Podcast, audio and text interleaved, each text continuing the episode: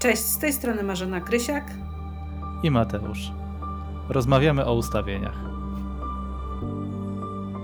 Dzisiaj będziemy rozmawiać na temat, który kilka słuchaczek nam podpowiedziało. Temat dotyczący narcyzów. Widocznie jest to temat, zagadnienie, które jest bliskie wielu osobom, bo od właściwie od samego początku naszego podcastu pojawiały się prośby o to, żebyśmy porozmawiali o narcyzach. Dostawać dużo tego typu pytań? Tak. Na temat narcyzów e, mogłabym rozmawiać w różnych e, kontekstach, i to jest rzeczywiście e, temat taki, powiedziałabym, dosyć gorący. Dlatego, że mm, takie osobowości narcystyczne my bardzo często spotykamy w różnych konfiguracjach. Spotykamy rodziców, którzy mają e, cechy narcystyczne, spotykamy szefów, którzy są narcyzami, e, spotykamy przyjaciółki. E, w ogóle bardzo dużo wokół nas ludzi ma cechy narcystyczne, lub też my im takie cechy przypisujemy. Dlatego, że wiesz, określenie, że ktoś jest narcyzem, jest takim określeniem teraz czasami, mam wrażenie, też nadużywanym. I my, jeżeli widzimy, że ktoś prezentuje jakieś inne poglądy, jakieś inne ma spojrzenie, ma jakieś trochę czasami też wyolbrzymione różne cechy, gdzie zwraca większą uwagę na siebie niż na osoby z boku, to od razu mówimy, że to jest osoba narcystyczna, a nie zawsze tak jest. Dlatego, że osoby narcystyczne to są osoby, które mają rzeczywiście taki zaburzony obraz siebie, i to są osoby takie, które są bardzo skierowane na własną osobę, są y, skierowane na swój wygląd, na to, żeby były najważniejsze, żeby się wiele rzeczy wokół nich działo. Natomiast nie wszystkie takie osoby są osobami narcystycznymi, bo czasami są takie jednostki, które mają więcej jakichś cech, ale nie można też powiedzieć, że teraz e, połowa społeczeństwa jest narcystyczna. Ja się z takim poglądem na przykład nie zgadzam. A ty co o tym myślisz? Mam wrażenie, że narcyz to taka łatka. Rzeczywiście od jakiegoś czasu zaczęło się często tak określać ludzi, z którymi jakoś jest tam nie po drodze, czy przypisuje się im jakieś takie złe cechy. Mam wrażenie, że trochę demonizuje się osoby, o takiej osobowości narcystycznej też właśnie jestem ciekaw, jakie jest twoje zdanie, czy to jest osobowość, czy to jest jakaś rola, e, bo myślę, że do tego dojdziemy, ale faktycznie mam wrażenie, że bardzo często mówi się o kimś, że jest narcyzem, tak żeby go trochę zdyskredytować, żeby tak trochę zbudować taki obraz tej osoby, jakiego, jakiego takiego czarnego charakteru troszeczkę. I też jestem bardzo ciekaw, co, co, co o tym będą mówiły co ty możemy powiedzieć z perspektywy ustawień, tak? I, I też tego, dlaczego wchodzimy w ogóle w relacje z takimi ludźmi, czemu one się pojawiają wokół nas, dlaczego nas tak przyciągają, a potem dlaczego tak bardzo nas odpychają w sumie, bo my tak się jakoś staramy uwolnić od narcyza. Tak naprawdę mam wrażenie, że o narcyzach głównie mówi się w kontekście prób uwolnienia od nich, czy jakiegoś takiego wychwycenia, że ktoś jest narcyzem, jakiegoś takiego, nie wiem, napiętnowania tej osoby, albo ostrzeżenia innych, że ktoś jest narcyzem. Nie? Tak jestem z tego powodu też bardzo ciekaw tego tematu, bo mam wrażenie, że wiele osób, dla wielu osób on jest rzeczywiście ważny. Tak, bo wiesz, trzeba by zacząć chyba od tego, że w większości przypadków mówi się o tym, że mm, głównie narcyzami są mężczyźni. I bardzo często kobiety mówią, wychodząc z trudnych związków, że byłam z narcyzem, czy on jest narcyzem. Często pewnie tak jest, ale nie zawsze musi być w ten sposób. Dlatego, że pamiętajmy też o tym, że jeżeli jesteśmy w jakiejś trudnej relacji, to często z takich relacji toksycznych, to o czym rozmawialiśmy wcześniej, trudno się wychodzi.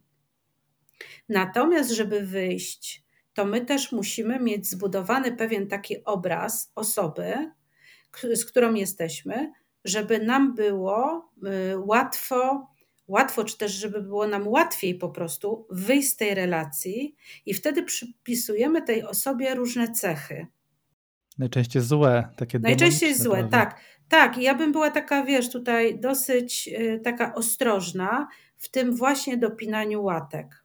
Mhm. Jest coś takiego, rzeczywiście, jak osobowość narcystyczna, i z mojej perspektywy często mamy do czynienia z narcyzami, ale y, spójrzmy też w takiej faktycznej, jakiejś takim realnym spojrzeniu też y, na tą osobę, z którą jesteśmy. Wspomniałaś przed chwilą, że nie wszystkie osoby, które uznajemy za narcyzów, faktycznie takimi narcyzami są, czy posiadają taką, można by powiedzieć, osobowość narcystyczną. W takim razie, jak możemy rozpoznać, kto jest narcyzem, a kto tylko przejawia jakieś niektóre cechy? Osoby, które są narcystyczne, to są takie, które są bardzo skoncentrowane na sobie i my w relacji y, czujemy, że one nas nie widzą. To są takie osoby, które są na tyle wycofane emocjonalnie, że w momencie, kiedy y, mamy jakiś problem, kiedy potrzebujemy y, bliskości, kiedy coś nas boli, takie osoby się od nas odsuwają. Dlatego, że nie są w stanie wejść w nasze emocje, dlatego, że one nie czują. I to jest jedna taka podstawowa y, cecha, która mówi o tym, że ktoś jest narcystyczny, i taka osoba zawsze będzie stawiała siebie w pierwszeństwie, czyli we wszelkim pierwszeństwie. Ja jestem ładniejszy czy ładniejsza, ja mam lepsze wykształcenie, ja y, wiem lepiej. Wszystko to, co osoba narcystyczna robi, jest lepsze, i jak to możemy skonfrontować? Patrzymy na rzeczywistość, co ona robi w swoim życiu, jak to życie jej wygląda. I wtedy możemy zobaczyć, czy to jest taki mm, wyobrażony obraz siebie, który jest nierealny, czy to jest rzeczywiście osoba, która ma dużo pewności siebie, powiedzmy, i prezentuje się w taki sposób, że ma taką pewność siebie, że jestem super, jestem wspaniały czy wspaniała, czy też jest, to, jest w tym coś zaburzonego. I tutaj możemy zobaczyć sobie, czy faktycznie jest to osoba, która jest narcystyczna, czy też jest to taka osoba, która z jakiegoś powodu nas nie widzi, bo nie chce nas widzieć. I to, musi, to musimy y, odróżnić, bo czasami jesteśmy w relacji, gdzie partner po prostu z partnerem jest nam nie po drodze. I to nie znaczy, że on jest narcystyczny, bo on nie chce robić tego, co chcemy, bo on na nas nie patrzy. To nie musi być osobowość narcystyczna. To może być ktoś, kto nie jest na tym etapie życia, co my, ktoś, kto nas nie widzi z jakiegoś zupełnie innego powodu. Tutaj oczywiście mogą pokazywać się różne dynamiki rodowe, ale nie musi być to osobowość narcystyczna. Natomiast dopinanie szybkołatek jest czymś, co może zrobić tutaj więcej szkody niż więcej dobrego. Więc najpierw spójrzmy i przyjrzyjmy się. Możemy to, wiesz, y, dobrze też y, zauważyć, jak patrzymy na swojego partnera. Natomiast trudniej nam przyjrzeć się narcystycznej, na przykład mamie. I tu dochodzimy do takiego y, tematu narcystycznej mamy. Jeżeli dziecko jest wychowane w domu, gdzie była mama lub tata narcyzem, to często takie dziecko też rośnie w takim rodzaju nieprawdy, takim iluzorycznym wyobrażeniu i też staje się narcystyczne. A jeżeli nie staje się narcystyczne, to też trudno mu zobaczyć, co się dzieje, i ciągle jakby chce, żeby ta mama czy tata zauważyli to dziecko i będzie robiło dużo rzeczy nadmiernie, po to, żeby tylko być zauważonym. No bo co robi taki narcystyczny rodzic, taka na przykład narcystyczna matka? Ona cały czas pokazuje temu dziecku, że super, że tam coś zrobiłeś, ale ja zrobię to lepiej. Albo nawet cię gdzieś tam za coś pochwali, ale możesz lepiej. Przynosisz czwórkę, możesz piątkę. Tak? Cały czas jest nie dość. I ta matka cały czas chce być w centrum uwagi bo ona miała takie stopnie w szkole, bo ona się tak dobrze uczyła i to dziecko rośnie w takim przekonaniu, że ono nie jest wiele warte, bo ono nigdy nie może tej matce dorównać, nigdy nie może jej oczekiwaniom spełnić, tak? I bardzo często takie mamy narcystyczne na przykład swoim córkom mówią, możesz lepiej wyglądać, powinnaś kolor włosów zmienić, powinnaś to, powinnaś tamto. I często takie córki narcystycznych matek mają zaniżone poczucie y, swojej wartości, jeśli chodzi o wygląd, bo one nie dorównają nigdy tej mamie. I to jest takie niebezpieczne, bo dziecko, które rośnie w takim domu, ono nie wie, gdzie jest prawda, a ono oczekuje akceptacji mamy i miłości tej mamy. Czy taka mama narcystyczna, ona trochę rywalizuje z dzieckiem, szczególnie jak z córką? Jak najbardziej, jak najbardziej. Z córką matka y, narcystyczna rywalizuje, porównuje się.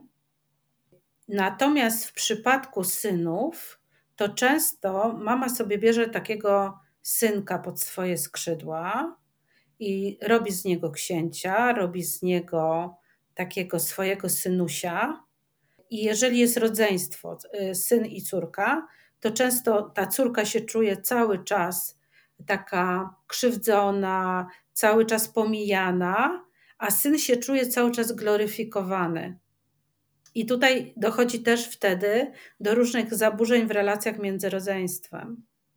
Czy oprócz takiego mm, nar nar klasycznego narcyzmu matki, która jest taką właśnie, chce być jak najlepsza, czy też się zdarzają takie sytuacje, w których matka czy rodzic gloryfikuje na przykład swoją chorobę, typu depresję, czy jakieś trudne życie, bo to też mi się trochę kojarzy właśnie, jak tak mówisz o tym, o tym takim dziwnym trochę spojrzeniu na też taką rywalizację z całym światem, czy ze swoim dzieckiem, właśnie, czy takie tworzenie swojego takiego mitu, czy też taka matka cierpiąca, to też nie jest czasami matka narcystyczna, która tak całym światu pokazuje, że ma ciężkie życie, że ma trudne przejścia, że przykład sama wychowuje dziecko. Um, coś takiego. Tak mi się teraz to skojarzyło, to jest taki chyba nietypowy wybieg, jeśli chodzi o narcyzm. Nie, właśnie to jest bardzo typowe to, co powiedziałeś. Tak? No bo jak najłatwiej zwrócić uwagę otoczenia na siebie? No pierwsze, co ci przychodzi do głowy? Przez chorobę. Tak. Tak?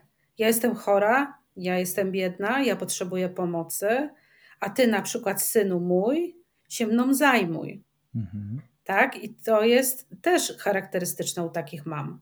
Jeżeli mężczyzna ma mamę, która jest narcystyczna, i y, ma już swoją żonę, to bardzo często ta żona wchodzi w konflikt ze swoją teściową, dlatego że ta teściowa znajdzie mnóstwo różnych, mm, różnych tematów, gdzie ta synowa nie jest dość dobra dla jej syna. I tutaj dochodzi do konfliktów. No bo musi być ta matka narcystyczna na wierzchu. Ona musi jakby pokazywać, że ona jest najlepsza. Czyli ta żona nie jest dobra. I tutaj dochodzi do różnych konfliktów. I teraz ta mama, żeby zwrócić uwagę na siebie, często idzie w chorobę, no to zabiera jakby tego syna od tej żony i przyciąga do siebie. Czy też wynajduje różne rzeczy. Potrzebuje pomocy ciągle jakiejś. Zrób mi to, nie wiem, przykręć mi jakąś śrubkę, coś mi napraw. Tak jakby wyjmuje tego syna, żeby mieć go przy sobie. I tu też możemy zobaczyć, z jaką mamą mamy do czynienia. Czy to jest mama, która rzeczywiście chce, żeby ten syn był szczęśliwy, tworzy swoje, swoją nową już rodzinę, tutaj tą, tą taką podstawową, i czy wspiera go w tym, czy też raczej go odciąga. To jeżeli go odciąga, to trzeba się zastanowić, dlaczego ona to robi i czy faktycznie są te powody na to odciąganie. Ja nie mówię oczywiście, jeżeli ktoś jest naprawdę chory, ale mówię o takich sytuacjach, gdzie uciekają kobiety, mamy y, narcystyczne w choroby, po to, żeby przyciągnąć swoich synów, żeby przyciągnąć swoje dzieci, żeby na nich była skoncentrowana uwaga. Jak sobie radzić z taką narcystyczną matką i narcystyczną teściową? Jak sobie z tym poradzić? Tak, wiesz, takie rozwiązanie, które się nie, nie, nie skończy morderstwem. Pierwsze co to trzeba stanąć w prawdzie. I trzeba spojrzeć na tą mamę i zobaczyć i nazwać. To jest pierwsze, co możemy zrobić. To, o czym już wielokrotnie mówiliśmy, że najpierw musimy stanąć w prawdzie, żebyśmy mogli coś z tym zrobić. Czyli trzeba zobaczyć, co jest prawdą i nie szukać wytłumaczeń dla zachowań takiej mamy. Bo mamy takie skłonności i to jest naturalne, bo dziecko kocha rodzica, jakie by on, jakim on by nie był. I dziecko chce tłumaczyć tego rodzica, nawet jeżeli widzi, że dzieje się coś niedobrego, coś niewłaściwego, to dziecko będzie tłumaczyć. To przede wszystkim przestać tłumaczyć.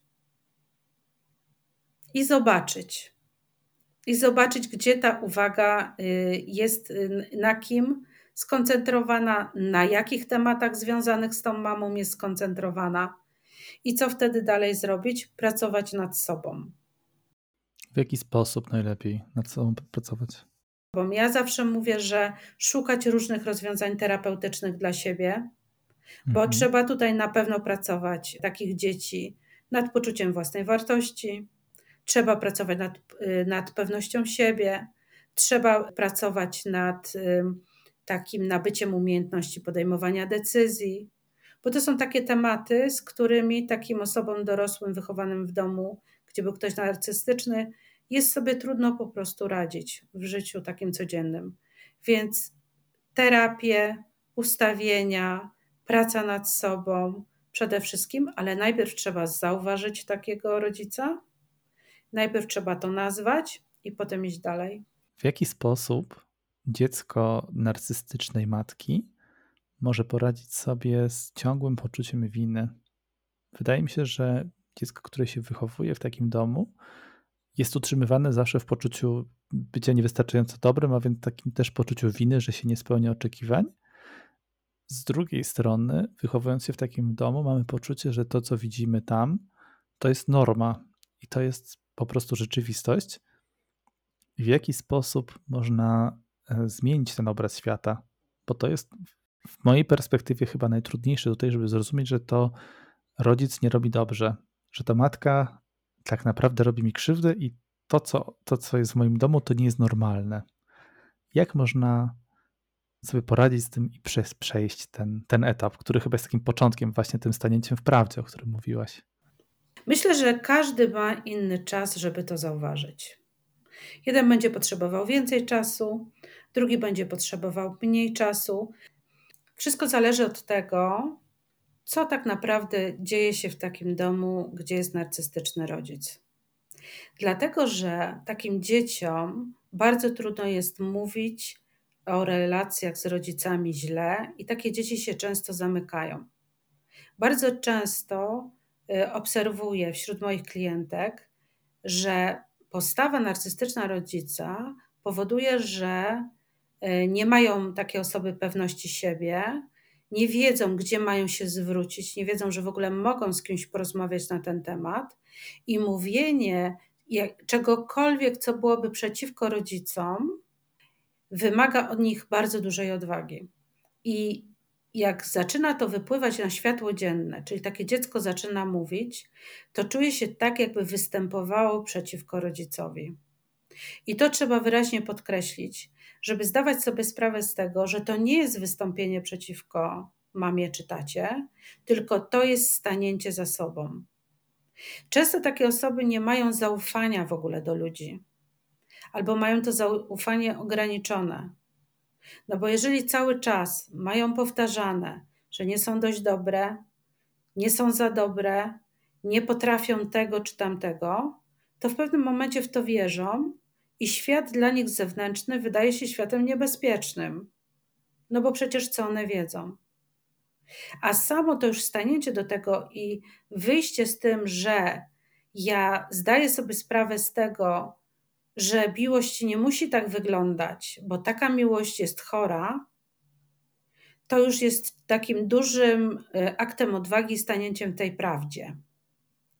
I myślę, że to jest dobry początek, żeby zrobić ruch kolejny, czyli zacząć rozmawiać i nazywać wprawdzie to, co się działo. Wydaje mi się, że taką trudnością w, w zrozumieniu, że coś jest nie tak, i też zrozumieniu, że mamy prawo do zmian, do czegoś innego, jest to, że to jest takie nieoczywiste, że spotyka nas krzywda, tak? ponieważ ta matka, która jest narcystyczna, ona nie bije nas. Ona nam nie, nie, nie, nie sprawia takiej krzywdy, która jest taka namacalna i tak oczywista. Czyli to nie jest często właśnie dom, w którym jest alkohol, narkotyki, nie? czy jakieś wykorzystywanie. To są po prostu takie bardzo miękkie, delikatne formy, no właśnie, nawet trudno powiedzieć, czy agresji, które sprawiają, że taka, taka osoba nawet um, może karcić samą siebie za to, że nawet myśli, że coś jest nie tak w jej domu, ponieważ ona na przykład zna drugą rodzinę, w której rodzic jest alkoholikiem. no i tam są problemy, a w tym domu jest dobrze, nie? To dziecko jest kochane, ta matka kocha go, bo, bo po prostu chce dla niego dla najlepiej, tylko że jest trochę narcystyczna. Więc jakby z tego powodu tak czuję, że to może być ta trudność, żeby w ogóle sobie uświadomić, że coś jest nie tak i że mam prawo do zmiany, do czegoś innego, bo, bo, bo tak nie musi być wcale. Tak, tak, tak myślę. Wiesz co, nie zgadzam się z Tobą do końca w tej kwestii, dlatego że w mhm. domach narcystycznych osób jest sporo przemocy. To nie jest do końca tak, że tylko jest to taka, wiesz, przemoc słowna, ale są takie domy, gdzie jest, dochodzi też do przemocy fizycznej. Więc to nie jest rozdzielone, wiesz, i często y, jedno jest połączone z drugim. Więc to nie jest takie oczywiste, ale rzeczywiście dziecko, które widzi gdzieś, że jest gdzieś gorzej, powiedzmy, z perspektywy dziecka, to jemu się wydaje, że u niego jest bardzo dobrze. Zresztą dzieci tak mają, że niezależnie od tego, jaki jest rodzic, to dziecko zawsze do tego rodzica chce. Że naprawdę mhm. musi się coś wydarzyć bardzo dużego, żeby dziecko nie chciało do rodzica. Nie mówię tutaj o tym, że dziecko mhm. jest nastawiane przez drugiego rodzica przeciwko drugiemu. Jeżeli się na przykład para rozchodzi, nie mówię o takiej sytuacji, ale chodzi o to, że dziecko ma taką potrzebę do rodzica zawsze nawet jeżeli jest źle traktowane. Natomiast z tą przemocą taką, wiesz, narcystyczną, też taką emocjonalną, to jest właśnie o tyle trudne, że w ogóle przemoc emocjonalną to trzeba już pewnej swojej własnej takiej dojrzałości, świadomości, żeby to wychwycić też. Bo to bardzo długo możemy być w takich relacjach, gdzie y, ta przemoc występuje, ale udajemy, że jej nie widzimy. Tak? tak, tak to też jest, dotyczy takich związków partnerskich, gdzie jest przemoc, a my tej przemocy nie widzimy, staramy się jakby nie patrzeć w tamtym kierunku. A w przypadku dziecka, to dziecko będąc w takim domu, to przez dłuższy czas na pewno nie ma szans. Bo jest tak, jest tak mhm. wychowywane, z tego uczone, jest to dla niego normą. Natomiast później, jak dojrzejemy, widzimy, co się dzieje w innych domach, czujemy, że coś jest nie tak, czujemy, że to nam e, podcina skrzydła i nie daje nam iść dalej, to wtedy zaczynamy się zastanawiać i wtedy szukamy pomocy. I to jest na pewno dobry moment.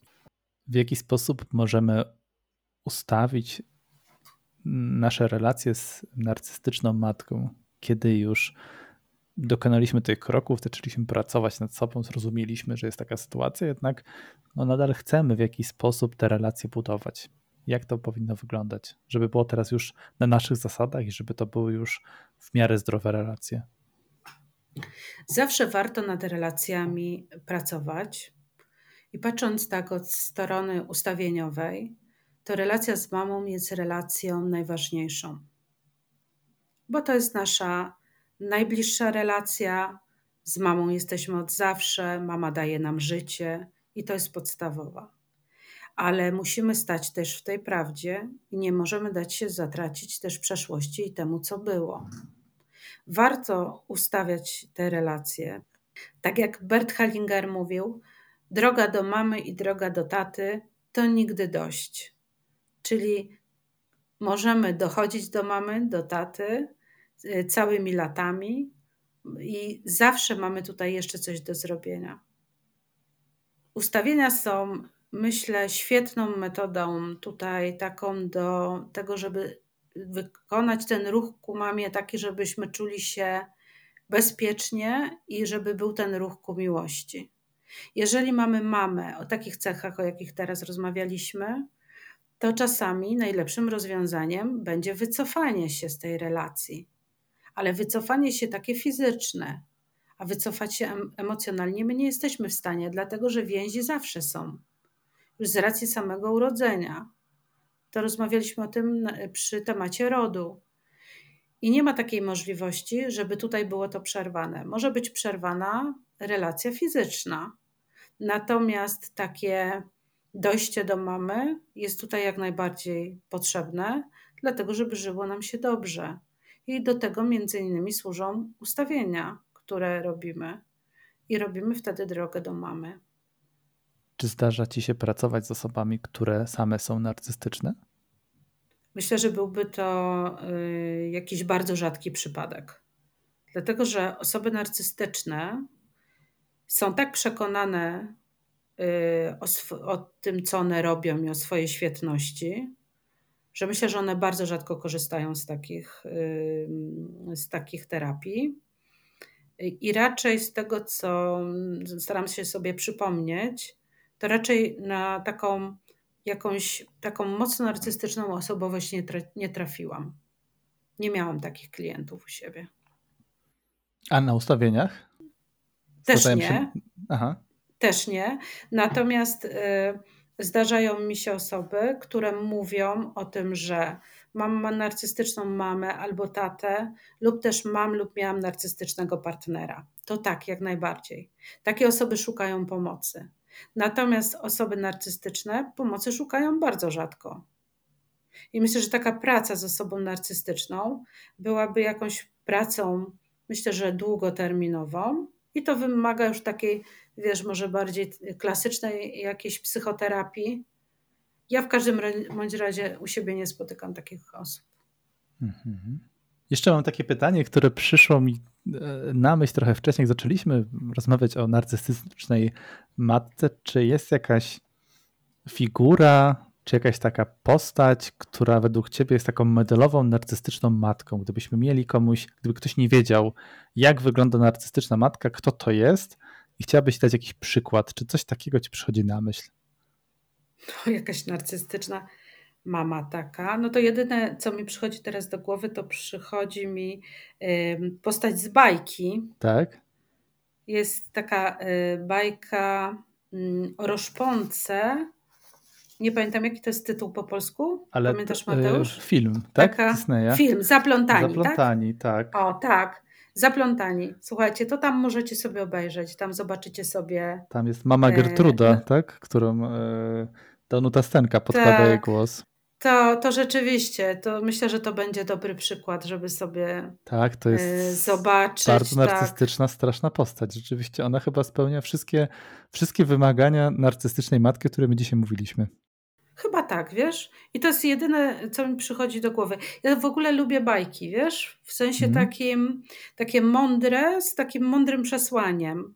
Bo to się można bardzo dużo też nauczyć i tak patrzymy troszeczkę z dystansu, no bo jest jednak to bajka, jednak jest to rysunek, więc wiesz, nie ma postaci takich ludzkich i nasza podświadomość jakby łatwo chwyta i można przyjrzeć się faktycznie mechanizmom, które tutaj działają.